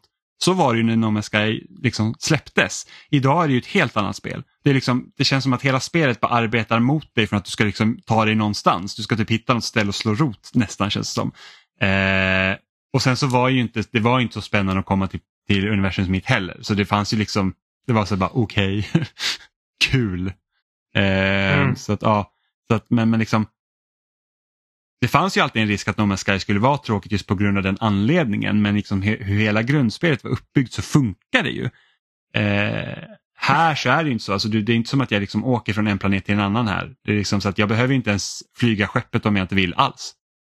Nej. alltså jag flyger typ ingenting ut i rymden. Jag är så här, bara ta mig bara till nästa planet. Tills jag liksom har uppgraderat mitt eh, tech tree tills jag liksom kan göra mer med skeppet. Um, så att, ja. Har du, har du, har du, eh, har du pillat något liksom att bygga skepp? Nej, för att det är så överväldigande att bara gå in i den menyn. Ja, jag vet. Jag eh, försökte flytta och- på någonting. Jag var så här, nej, det funkar inte. Ja, Jag låter men alltså, det jag har gått in i menyn och jag har pillat lite men jag har liksom inte hängett mig åt att faktiskt göra någonting för att dels, fan vad dyrt det är. Ja. Ja, alltså det, det, det är jävligt dyrt och liksom ifall du köper en skeppsdel eh, för liksom vad är det, 120 000 eller någonting. Och sen så om du ångrar dig sen liksom så, så kan du sälja den för typ en bråkdel av det priset. Och det är liksom återigen det här med värdet och hur det fungerar. Liksom att ja, den här shotgunen jag hittade är värd 20 000 men får, den är egentligen bara värd typ 20 spänn. Mm, de här Liksom, jäkla eh, rymdskeppshandlare, som bilförsäljare. De bara, Ja. du har kört utanför, eh, du har kört utanför eh, bilhandlaren så att värdet sjunker direkt med 20 procent. Ja, ja men alltså det, det känns som att man blir rånad liksom. Skriver på Eh, kontraktet, man bara halvering av värdet. Ja. Eh, och jag, och, alltså jag, jag skulle ju vilja liksom bygga, för att det var ju liksom en av de mer spännande delarna när de visade upp spelet, den här stora presentationen, liksom att du kan helt bygga dina egna skepp. Och som jag förstår det, så alla skepp som finns i spelet liksom är tekniskt sett byggda i den liksom editorn. Så att om du ser liksom ett supercoolt skepp så är det liksom ändå ganska coolt att veta att jag skulle kunna bygga det här bara jag har liksom resurserna. Mm. Ehm, ju- just nu, jag, jag, gjorde ett quest, jag snubblade över ett quest som slutade med att jag fick ett nytt skepp. Eh, och det är så långt jag har kommit nu så att jag ska testa liksom att bara köra runt med det och se hur, liksom hur stor skillnad det blir för att jag vet liksom inte om jag skulle, för, eh, som sagt resurser och pengar det kommer krävas mycket för att liksom göra ens drömskepp. Och, och sen ska man ha liksom massa olika skills också. Liksom, dina, dina skills dikterar eh, hur många olika sorters skepp. Det liksom, eh, man börjar med att kunna köra klass A-skepp. Mm. Eh, men det finns även B och C. Och liksom, så att, att, att verkligen hänge sig åt att ja, jag ska göra mitt drömskepp och liksom verkligen kitta ut det. Då måste man också ha en, ett bra hum om, är det här någonting jag liksom vill lägga typ 40 timmar på? Mm. Ehm, så att jag vet inte riktigt än. Ehm, Jag har ju sett typ folk har byggt så här Millennium Falcon och liksom ser väldigt trovärdigt ut. Liksom. ja, jag, menar, jag har också kollat på liksom videos när folk suttit och verkligen byggt och jag förmodar att det är folk som har haft spelet liksom eh, sen recensionskoderna kom ut. För jag bara, jag fattar inte hur ni har liksom så här mycket pengar och att bara slänga på den här skiten. Men eh, det ser jävligt coolt ut, men det är också så jävla, alltså eh, det är liksom lite det här typ Armored Core-grejen. Att det är så många olika mätare och massa olika funktioner som behöver fyllas för att du ens ska få ett skepp liksom att vara flygvärdigt. Mm. Eh, så att det är mycket att tänka på. Är skillnad för liksom i, i Armored Core så är det ifall du köper någonting som du inser att ah, men jag tror inte jag vill ha den här, kan du sälja det för exakt samma? Och det finns ingen bestraffning för att liksom testa sig fram i Armored Core. Vilket är liksom en skitskön grej och här är det liksom att ah, fan, du blir verkligen fistad för sådana grejer. Så det är liksom, Mm. Jag känner mig så bestraffad liksom för, för, för, för skitsaker. Mm. Eh, så jag har, inte, jag har inte vågat. Nej, jag fattar. Sen är det också skillnaden, liksom så att skulle vi säga att Armored Core hade Starfield-system så att då bara okej, men nu har du fuckat ur när du har köpt fel delar och sen så kan du liksom så här, ja men då får du spela typ två, tre timmar av ett uppdrag som du redan har klarat. Medan i Starfield jo. så kan du bara göra någonting annat du inte har gjort tills du har tjänat ihop mer pengar. Ja, ja, men det makes sense liksom eh, i de olika spelen men det, eh, det är ändå den kontrasten som jag har liksom tänkt mycket på. Eh, att jag tycker det är, det är svårt att våga liksom. Jag har inte vågat köpa något vapen exempelvis. För att de är svindyra. Nej, och jag vet inte ens Vänta. behövs att köpas vapen för att man hittar ganska bra vapen. Liksom, alla poddar jag lyssnar på som har pratat om Starfield, jag bara, ja, men jag hittar det här legendariska shotgunen när jag var på ett, ute på ett uppdrag och det är så bra så att jag dödar liksom saker som är typ 80 levlar över mig. Men liksom, Mm. jag, så bara, jag har inte haft några problem med det här vapnet så jag att ja, men, då känns det onödigt att och spendera pengar på vapen. På tal om vapen, alltså det finns ju Alltså, jag skulle inte förvåna mig om det finns typ 50 olika sorters ammunition. Ja, det är skitjobbigt. Och, jag vet inte, och det är svårt att se vilket vapen som använder vilken ammunition. Du måste gå in i inventoriet och inventory-systemet är liksom uh, bara en pain in the ass. Och, och, och, och, jag förstår liksom att Eftersom att det finns så många olika sorters föremål och grejer att du, som du kan plocka på. Jag tycker att, liksom att det är ändå hyfsat logiskt eh, grupperat. Um, men det ändå så liksom, jag, jag, tror inte man kan liksom sortera grejer för liksom, ifall jag märker att åh gud, jag väger 300 kilo. Jag tror inte det finns något sätt för mig liksom att sortera grejerna för att se vad är det som väger mest. Jag tror att det, gick, liksom... det gick fan i Skyrim tror jag. Ja det, det, är möjligt att jag missat det, men då återigen, det är en sån grej som de liksom inte, inte liksom lyckats förmedla till mig eh, som, som hundra andra grejer. Uh, och men som sagt, så jag, jag har liksom ett par vapen som jag bara, men de, de här är liksom det är bra stats på de här, jag, jag vill använda dem mer, men så har jag typ 16 kulor. Och så har jag 3000 kulor till det där skitvapnet som jag inte vill använda. Och det finns liksom, ifall jag vill liksom åka till New Alexandra, okej okay, nu vill jag hitta någonstans där jag kan köpa ammunition. Det finns ingenting som är ut, liksom utplacerat på kartan som, som lotsar mig i rätt riktning utan jag får oh, liksom typ helt, helt gick, vilt gå runt. Jag gick runt typ 40 minuter igår för att börja köpa en digipick. det var liksom bara så att jag, jag kan inte klara det här uppdraget för jag behöver en jävla digipick. Och det var bara så att vad fan köper jag en digipick någonstans? Ja, nej, det, Ja, det är faktiskt, det, det, det är faktiskt jätteirriterande att, man inte får liksom, att det inte finns någon karta i städerna. Liksom, så att gå hit köp, så kan du köpa det här. Det gör så att jag saknar typ Mass Effect, så här, typ, här är den här jättestora staden men du får se den här bakgatan, det är allt du får se. Jag bara, ge mig bakgatan. Jag hatar fucking New Atlantis. Jag tycker, eh, det är bara så här, det är stort i onödan. Digipic låter som när någon skickar en intim bild i Digimon. Digipic. Digipic. Du ska få smaka på min digipick. Uh, nej men, uh, men på tal om New Atlantis, alltså allting ser jävligt bra ut. Jag, jag, jag tycker verkligen om uh, spelets art direction. Um, jag tycker alltså, bara hur skeppen ser ut och uh, hur Ja, liksom bara den övergripande estetiska riktningen med hela spelet tycker jag är skitbra.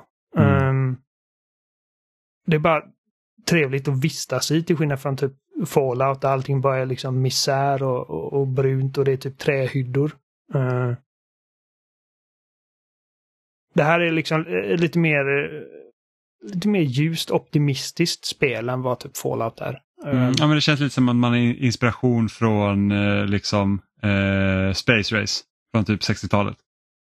Mm. För att det är liksom, även om det liksom är ett spel som utspelar sig i framtiden då så är det inte så att du har datorer och sånt som ser helt högteknologiska utan det är mycket knappar och lampor och liksom det, ja. det är inte ja, som att allt är glasskärmar. Liksom Mass Effect är ju betydligt mer futuristisk teknik än vad den som ser ut i Starfield. Starfield är mycket mer analogt. Det känns som att det är ja, mer och... visionärt än vad det är dystopiskt i alla fall. Ja. Ja, och, och jag och Adam pratade om det för han älskar ju rymdskepp som sagt och, och han liksom jämförde liksom typ hur Normandy ser ut med hur skeppen ser ut det här och jag, jag sa liksom att jag, jag, känner att skeppsdesignen i Starfield är nog, är nog lite mer realistisk. Alltså, jag, jag, jag, köper fortare liksom att det är så här rymdskepp hade sett ut om 300 år än typ Normandy som är liksom en hot rod. Liksom att den är designad för att vara snygg som fan.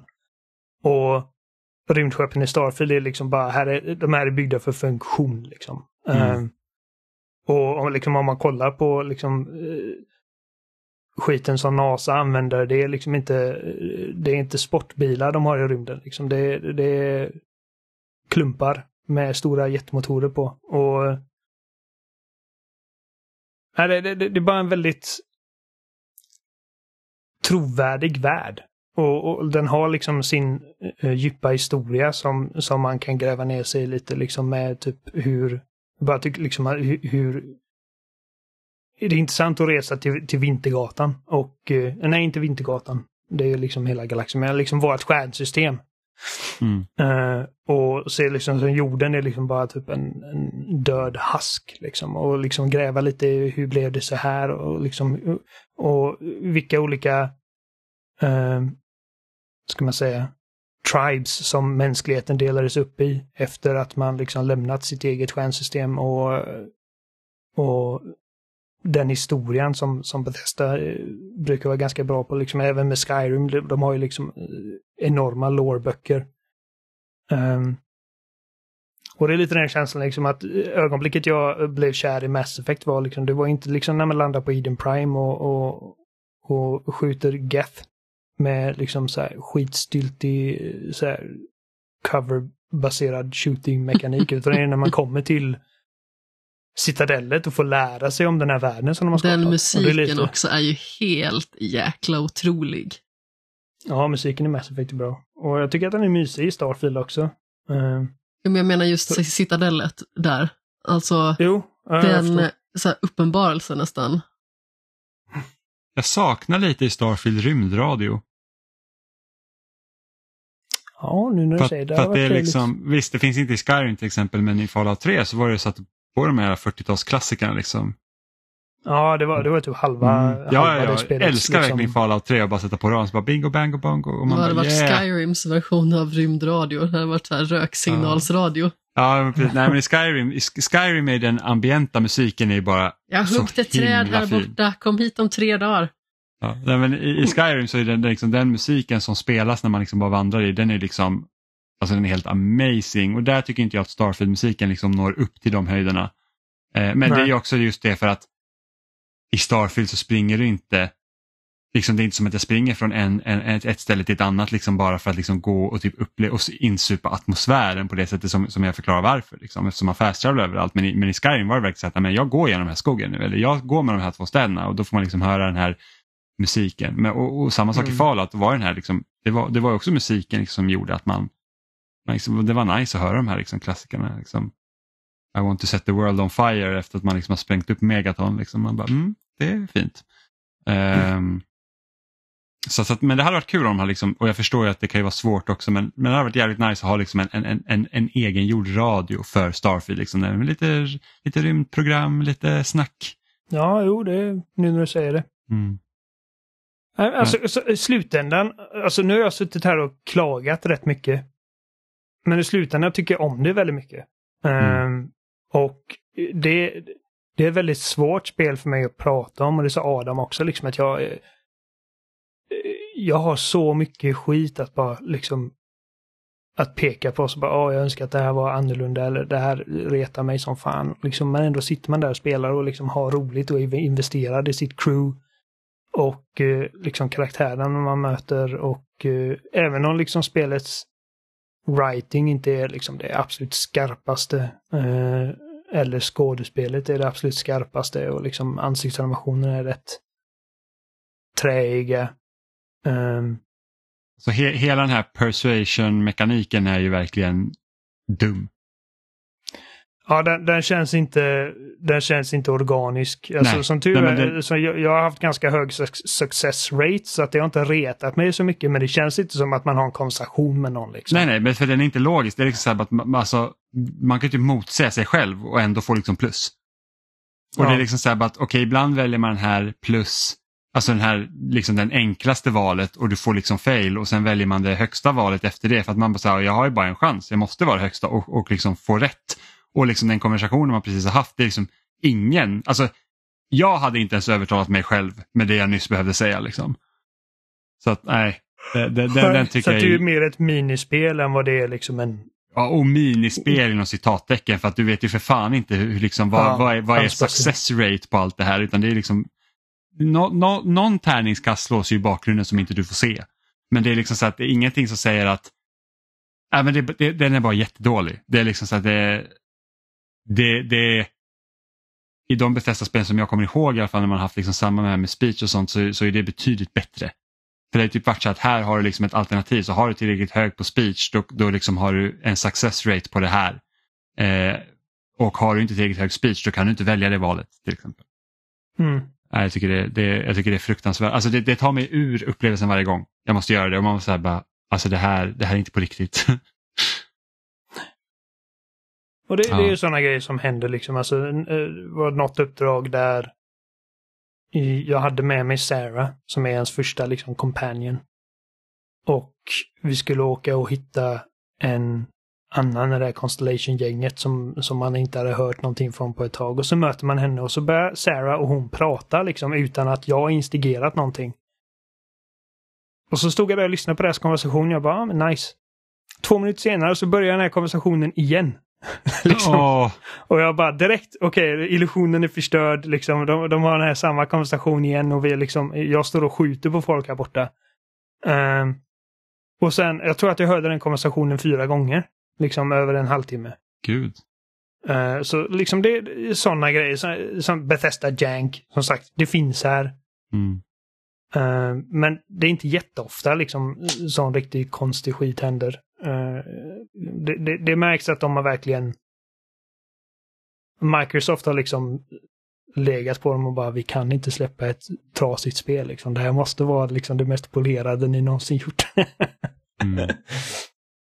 Ehm, nej men så att, så även om jag sitter här liksom och klagar mycket och för att det är så jävla lätt för mig att peka på vad, vad som inte funkar för mig.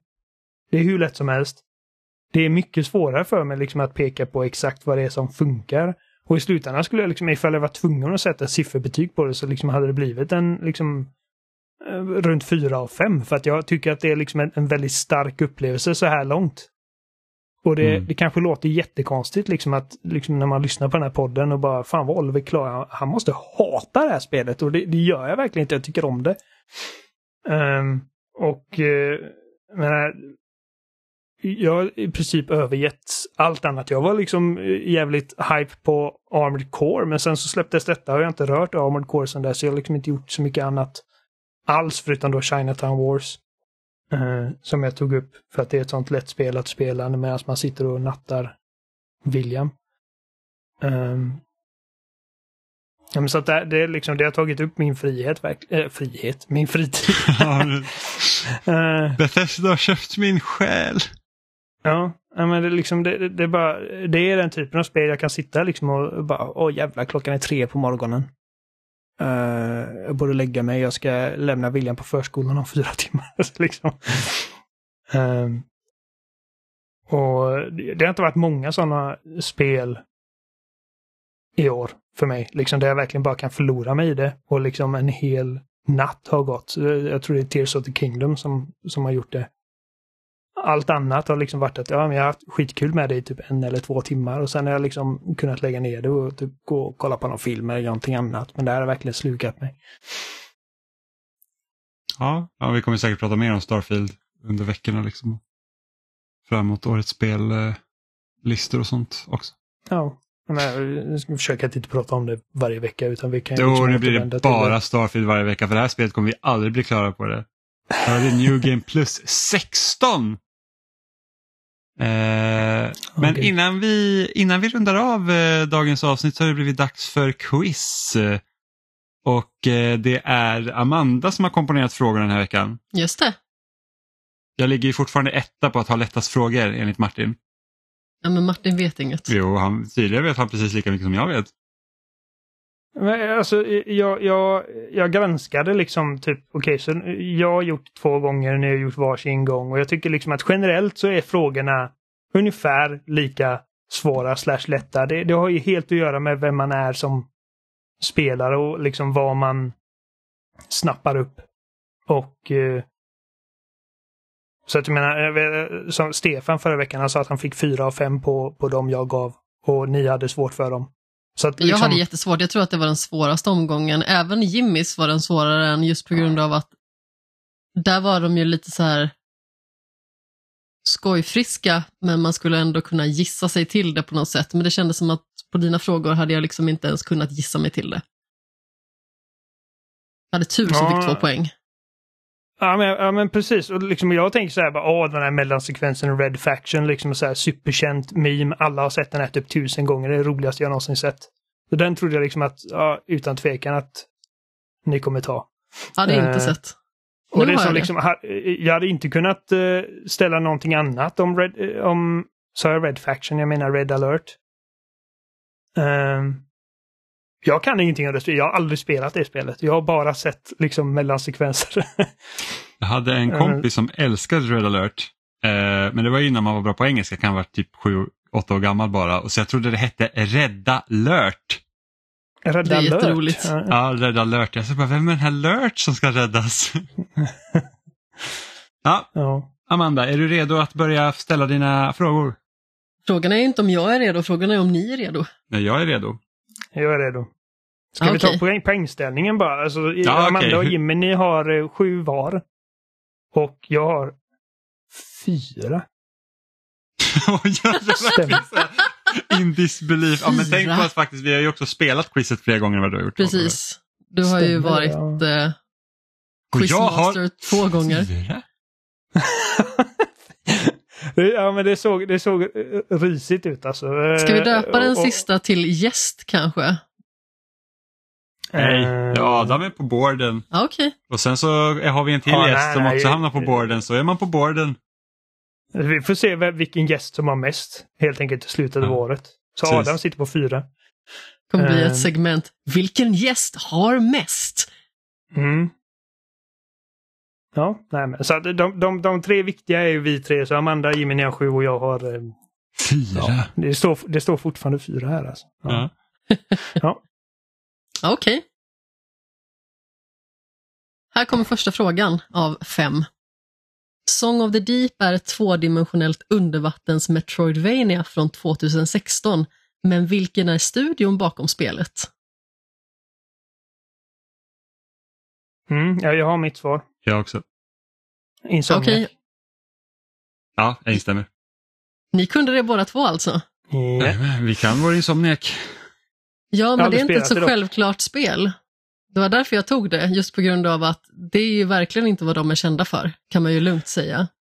Nej, Nej, nej, men jag... eh, Alltså, vad hette det dåliga Nej, shooten de gjorde? Fuse? Ja, det är de inte heller kända för. Nej. Nej, men Song of the Deep är riktigt bra. Ja, ja, precis. Jag har ju spelat det. Mm, ja, det har inte jag gjort. Jag och Tobbe streamade det tillsammans. Okej, vidare till nästa fråga. I vilken amerikansk delstat utspelar sig Firewatch? Oj, jag jag gissar nu. Ja, jag har mitt svar. Ja. Efter, ja, jag börjar inte. För jag... Eh, det första jag tänkte på var Maine. Men... Men min, min känsla är att det är Wyoming. Jag gissar också Wyoming. Vilken gissning, för det är rätt. Ah, vad bra. Ja, vad- För att när du bra. sa Maine Oliver, jag bara, oh knows. Ja, men jag tänkte liksom alltså, det, så här, min bild av Maine är liksom, ja men det, det ser ut så. Liksom. Vad ledsen jag blir om ni tar alla. vad glad jag blir. inte jag. Jag tänkte att jag skulle försöka så här, klura till det lite, men eh, det visade sig att det kanske var lite för lätt då. Jag väntar bara till nästa vecka. Fråga nummer tre. Den trehövdade hunden Cerberus är välkänd och förekommer i spel som God of War, Hades och Kingdom Hearts. Cerberus är det latinska namnet. Vad heter han på originalspråk?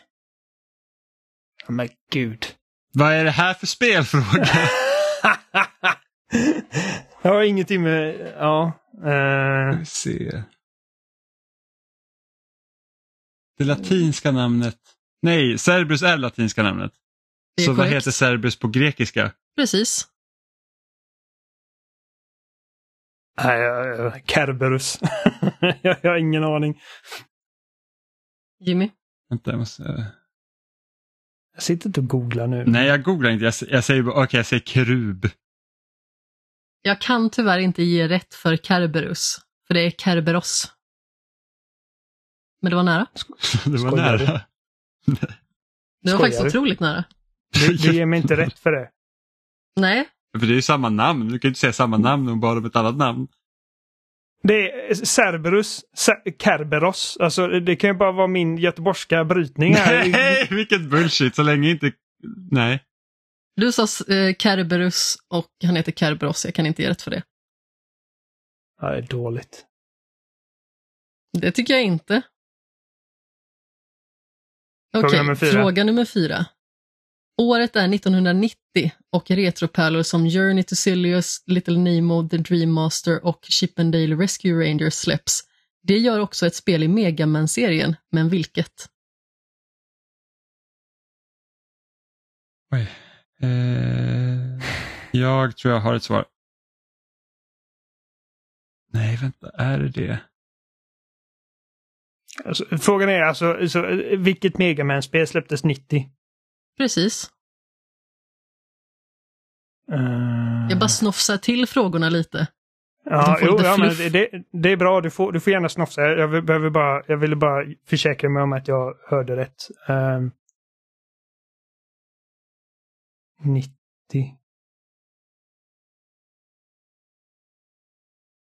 Eh, ja, ja, jag är väldigt... Jag, jag gissar Mega Man 3.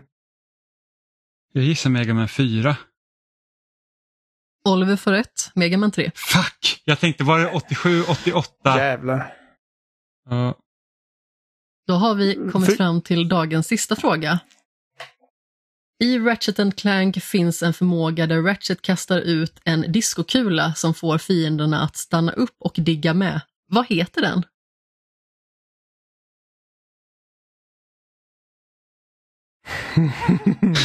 jag borde kunna detta för att jag Fan. gillar den. ja, jag med.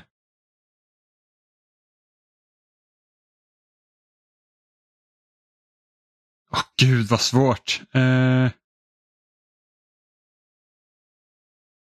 Ja, fan det här är inte rätt men jag får svara på det ändå. Ja, jag är redo. Vad säger Olivers bollkänsla? eh, eh, Groovytron? Fan också! Jag skrev discojet. Ja, men det kanske inte är Groovytron. Jag kommer inte jo, ihåg. det är. Det är Groovytron. Det är Groovytron. Så fort jag hörde det så bara, Ah. fan också. Yes. Oliver 4 poäng och Jimmy 2. Ja, det var en dålig omgång. Oliver tycker fortfarande att han borde ha fått 5. Vad är en bokstav fel? Ja. Det är hårda tider nu. Men ja, eftersom att Ekonomin fick är fyra... åt skogen och världen står i, brand och man får inte Ja. ens gissa på fel svar. Men vad fan, det, är- alltså, det, det är ju så här, fel svar med marginal. Det är ungefär som att... Ungefär som eh, någon skulle fråga mig typ, ja, vad heter liksom det där tornet utanför Liseberg? Och jag säger, eh, ja, eh, men Gothia Towers. Och du bara, nej! Det heter Gothia Towers! Fast det här är ju en tävling. Ja, ja. Du hade Ja, förmodligen men- inte gett mig rätt om jag hade varit nära men det inte var rätt. Det spelar ingen roll ifall jag säger att jag hade gjort det för att eh, du tror mig inte i så fall. Absolut inte. Men, eh, men ja, men eh, efter detta kommer jag inte göra det. Nu ska det vara, nu ska det vara benhårt. Så du, du, väljer, du väljer något svar där det är en accent på, på en bokstav och du bara, jag hörde inte accenten. Ja, jag ska fråga så här, exakt hur uttalas eh, eh, det här liksom eh, eh, vingården i, i Witcher 3? Ifall du inte har perfekt fransk, då, då jävlar. Får du minuspoäng. Jag, s- jag, sk- jag, ser, jag skojar såklart. Jag, jag är nöjd. Fyra av fem är... Jag, jag är... jag är jävligt nöjd över fyra över fem. eh, Och jag är ännu nöjdare över att Jimmy bara fick två så att jag kom ikapp. Jag trodde frågorna var lite svårare än vad de var. De var svåra. Yay. men alltså, jag Så här, tycker jag tror de var svåra för för att en fick fyra av fem. Jag hade banne mig bara två. Eh, Jag tycker inte att vi ska, att vi ska ta lärdomen av att ah, vi måste göra grejerna svårare. För då blir det bara att alla får typ en poäng varje vecka. Eh, alltså, Såklart. Men jag, tycker kände att- ändå att två veckor i rad tycker jag att det har varit ganska så knöligt. Så jag hade velat trycka dit er lite grann i alla fall. Det Jag gick ju tyckte dit din sådär. man lite. Eh, det är värt någonting. Ja, det är i och för Jag sig ligger sant. fortfarande under. Jimmy har ändå nio och jag har nog åtta. Ja, men Eh. nästa vecka är det jag som fixar frågorna. Oj. Ja, eh, Ja, lite enligt rädd, ryktesvägen så är de lätta. Nej, det tycker ju inte jag. Ja, Jag har skrivit Nej, en av alltså- frågorna redan. Det skrev vi redan förra veckan. Jag Ja. anar att det är något lurt på gång. Nej, det är inget lurt på gång. Det är en bra fråga. Men eh, återigen, ett quiz har gått till ända och det viktigaste vi tar efter den här dagen är att jag fortfarande leder. Eh, som med det sagt, ni hittar oss som vanligt på spelsnack.com. Där finns också länkar till alla ställen vi finns som Facebook, Twitter, YouTube, eh, Apple Podcast, Spotify. Vi finns i din favoritpodcast-app helt enkelt. Eh, ni kan också mejla till oss ni kan också mejla till oss på kontaktetspelsnack.com eller byta ut kontakt till något av våra förnamn, spelsnack.com. Ni kan också surfa in på loading.se och lämna kommentarer där. Vi har fått väldigt positiv respons faktiskt av våra quiz, så det är väldigt roligt. Eh, ett Ja, bra av, våra, sätt. av våra kompisar. Ja, Vi, vi, har fått kommentarer på, vi har fått kommentarer på loading att de tycker om våra quiz. Ja, men vad kul. Eh, så att, eh, har, varför inte skicka in om ni har quizfrågor. Det kan alltid vara kul att svara på andras eh, ihopkomponerade frågor helt enkelt. Eh, Vi kan miss- göra som så att eh, varje vecka så har vi en öppen slott för eh, läsarfrågor. Som en extra som vi alla kan svara på. Ja, fast någon Fast måste, å ju, andra sidan, då måste ju någon... Ja, nej, någon måste inte. kolla upp svaret och man måste också kolla upp att svaret är rätt. Ja, precis. Eh, bara för att säkerställa att vi håller vår höga kvalitet genom våra quiz. Eh, missa Ja. inte 30 september när vi sitter och streamar massa spel för att fira avsnitt 500. Vi lär ju livepodda den dagen också så att eh, eh, kolla in helt enkelt. Det blir, eh, det blir skoj. Ni får se mig förlora i Mario Party. Ni får se mig bli rädd i allehanda utslagstävlingar. Eh, jag kan bli rätt högljudd. Det låter som att det bara är du som ska vara med. Ja, precis. Det är bara jag som ska vara Nej, men det är ofta jag som, kan se mig. det är ofta jag som får spö när vi spelar tillsammans. Ja, eh, golf var jävligt kul. När vi körde. Eller när jag blev livrädd för larven i, i Mario Party. Mm. Det var, jag trodde jag hade klarat mig och sen så, Det var ja, peak stream var det. ja det var faktiskt roligt. Eh, men som vanligt hör ni oss varje onsdag i era öron. Eh, vi hörs igen nästa vecka. Hej då! Puss i. Hej då!